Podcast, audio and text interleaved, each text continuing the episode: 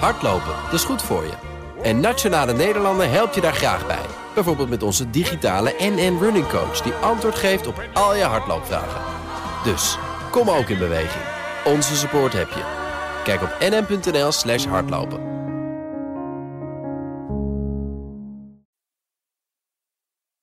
Iedere woensdag spreek ik met eh, Marcel Beerthuizen van sponsoringadviesbureau Big Plans over ontwikkelingen op het terrein van sport en economie. En ook wij blijven in Amerikaanse sferen, namelijk eh, over sport en welke rol sport speelt in het leven van Amerikaanse presidenten. Marcel, goedemiddag.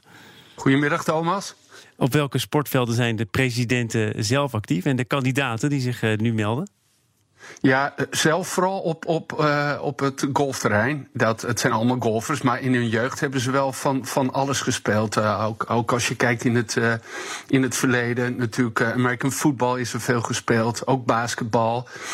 Obama is daar een goed voorbeeld van. Maar uh, als ze eenmaal wat ouder worden en president worden, dan tref je ze vooral op de golfbaan. Soms ook heel erg lang. En dat wordt ook door sommige sites bijgehouden. Zeggen ze, ja, je bent nu aan het golfen, kan je niet beter met je presidentschap bezig zijn. Maar uh, golf is dus belangrijk voor, die voor, voor de president.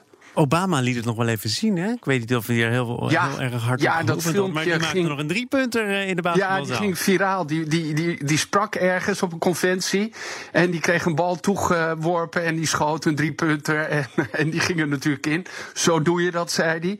En uh, ja, dat, dat filmpje ging meteen de hele wereld over. Ja, hij heeft dat al, al eerder gedaan. Ook een keer toen hij uh, een bezoek bracht uh, aan, aan de troepen. maakte hij ook een mooi, een mooi schot. Hij is een hele enthousiaste basketballer. Hij heeft ook redelijk hoog gespeeld. Maar uiteindelijk hebben ze allemaal hun, hun politieke loopbaan de voorkeur gegeven. Ja. Hoe kijken ze dan naar de rol van sport in de Amerikaanse samenleving? Ja, die, die is heel erg belangrijk voor ze. Hè. Dat gaat ook over verbinding. Dat was zeker voor Trump, zou je kunnen zeggen. Want dat is onder zijn presidentschap, onder zijn leiderschap wel iets anders geworden. Kunnen we het straks misschien nog wel even over hebben. Maar verbinding is ontzettend belangrijk. En je hebt bijvoorbeeld ook gezien tijdens de Tweede Wereldoorlog. Toen alle jonge mannen werden opgeroepen om in het leger uh, uh, te, de, paraat te gaan. toen zei toch de toenmalige president Franklin Roosevelt. Ja, ik vind het heel belangrijk dat het honkbal Major League Baseball, dat die doorgaat. En dat was toen een enorme uitdaging. Roosevelt zei, ja, dat is belangrijk, want het is vermaak. Iedereen moet zo hard werken. Hè. We zijn allemaal met die oorlogsindustrie bezig. En mensen hebben gewoon behoefte aan afleiding als ze moe zijn en thuis zijn... en gewoon naar, naar sport willen kijken. De clubs moesten toen enorm improviseren. En er was een club die, die nam zelfs een 15-jarige jongen in dienst als pitcher... en een andere, een buitenvelder met maar één arm. Maar sport moest doorgaan. En dat is een, een goed voorbeeld daarvan. Ja, en ook op andere momenten. Dat gebeurt nu overigens sport... weer. Als je kijkt naar de coronacrisis en de bubbels, waarvan de Nederlandse ja. sportwereld zegt dat die worden gecreëerd. Maar dat is nog niks vergeleken met de echte bubbels die in Amerika tot stand worden gebracht. om bijvoorbeeld de voetbalcompetitie, de basketbalcompetitie. toch tot een goed einde te brengen. Ja, zeker. Dat heeft twee redenen. Eén is natuurlijk gewoon brood te spelen. Zo auto's de weg naar Rome. Hè. Mensen willen vermaakt worden. Dat is het. En het andere is natuurlijk dat er zoveel commerciële belangen mee zijn gemoeid. En dat het om zoveel geld gaat. Hè. Het vorige week over de Major League Baseball, de World Series. Ja, die, lopen nu alleen al uh, tegen een verlies van 5 miljard aan. Normaal gesproken gaan er 100 miljoen mensen naar die wedstrijden. Ja, die zijn nu allemaal verdwenen. En dat is een groot probleem. Maar zeg maar, ook voor presidenten, die, die vinden heel belangrijk dat er gesport wordt, zodat mensen bewegen, maar vooral dat mensen met elkaar in verbinding komen. En de commerciële kant van sport, want het gaat over de grote bedragen, je noemde het net al. Hebben Amerikaanse presidenten zich daar wel eens tegenaan bemoeid? Ja, ja, zeker. Kennedy onder andere, die, die zorgde, dat heette de Sports Broadcast Act, dat er een afspraak kwam, waar, en dat, dat was een enorme succes voor, voor, voor de NFL, voor het American Football. Daardoor konden alle clubs als één partij al hun televisierechten gaan uh, verkopen. Daar, daar heeft hij toen een act voor, voor getekend en gezorgd dat die er kwam. En ook Ronald Reagan heeft zoiets gedaan. Toen ging het weer over kabelexploitanten. En die heeft ook een speciale belasting maatregel ingevoerd, waardoor uh, lokale overheden veel makkelijker konden investeren in, in het bouwen van, uh, van uh, stadions in, op, op lokaal niveau.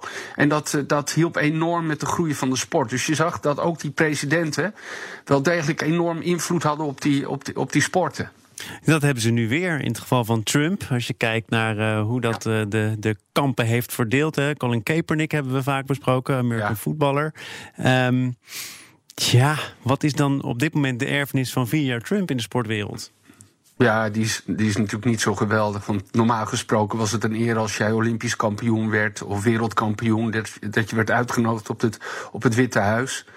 Uh, nou, Trump die zorgt eigenlijk alleen maar voor verdeeldheid. Hè. Dat doet hij op allerlei terreinen en dat doet hij ook in de sport. Niks gold hij zelfs uit en zei: uh, klootzak, je moet ontslagen worden. Weet je wel, dat soort uh, woorden. Megan Rapinoe, die zou niet hè, van, van, van, van het Amerikaanse voetbalteam, die zou niet mogen komen. Ja, en nu zie je ook dat bepaalde teams ook zeggen, LeBron James voorop, ja, we komen helemaal niet meer naar het, het Witte Huis. Dat is natuurlijk ontzettend jammer. Er zijn er overigens ook wel uitgesproken Trump-supporters, hè? Ik bedoel, dat hoort er dan ook bij. Er zijn mensen die hem vooraf schuwen. Er zijn ook sporters ja. die zich daarvoor uitspreken. Ja, dus een wielrenner hè, die, die, die zich heel nadrukkelijk had uitgesproken. Die toen wel gesport, uh, geschorst werd door zijn team. Het, is aan twee kanten. En wat je natuurlijk altijd hoopt, dat sport juist mensen bij elkaar brengt. Hè, van, van alle afkomsten. En, en, en, iedereen is gelijk. Zie je nu dat ook in, door het Witte Huis. Uh, ook daar polarisatie en verdeeldheid is. Ja, dat is ontzettend jammer. Stel, Biden en Trump staan op een sportveld. Wat zouden ze dan spelen? En, ja, misschien is dat makkelijker gezegd dan vandaag, maar wie zou er winnen? ja, ja, nou dat zal dan de golfbaan zijn. Dat zou dan de golfbaan zijn. Van Biden wordt gezegd dat hij een handicap heeft van 6,8. Maar het is al heel lang geleden dat hij een qualifying card heeft ingeleverd. Dus eh, Trump zegt dat hij handicap 2,8 heeft. Maar alle kenners zeggen, ja, als je hem ziet spelen, dat kan nooit waar zijn. Dus stel dat ze zouden spelen, ja, dan moeten wel bij iedere slag en bij iedere hole heel veel scheidsrechters staan, Thomas. Dat lijkt me dan het beste. En hopelijk gaan ze elkaar dan niet te lijf met hun golfclubs. Maar wie het gaat winnen, ik durf het niet te zeggen. Ik durf het ook uh, vandaag over de verkiezingen niet te zeggen. Marcel Beerthuizen, dankjewel uh, voor deze week en tot volgende week. Hardlopen, dat is goed voor je. En Nationale Nederlanden helpt je daar graag bij. Bijvoorbeeld met onze digitale NN Running Coach... die antwoord geeft op al je hardloopvragen. Dus, kom ook in beweging. Onze support heb je. Kijk op nn.nl slash hardlopen.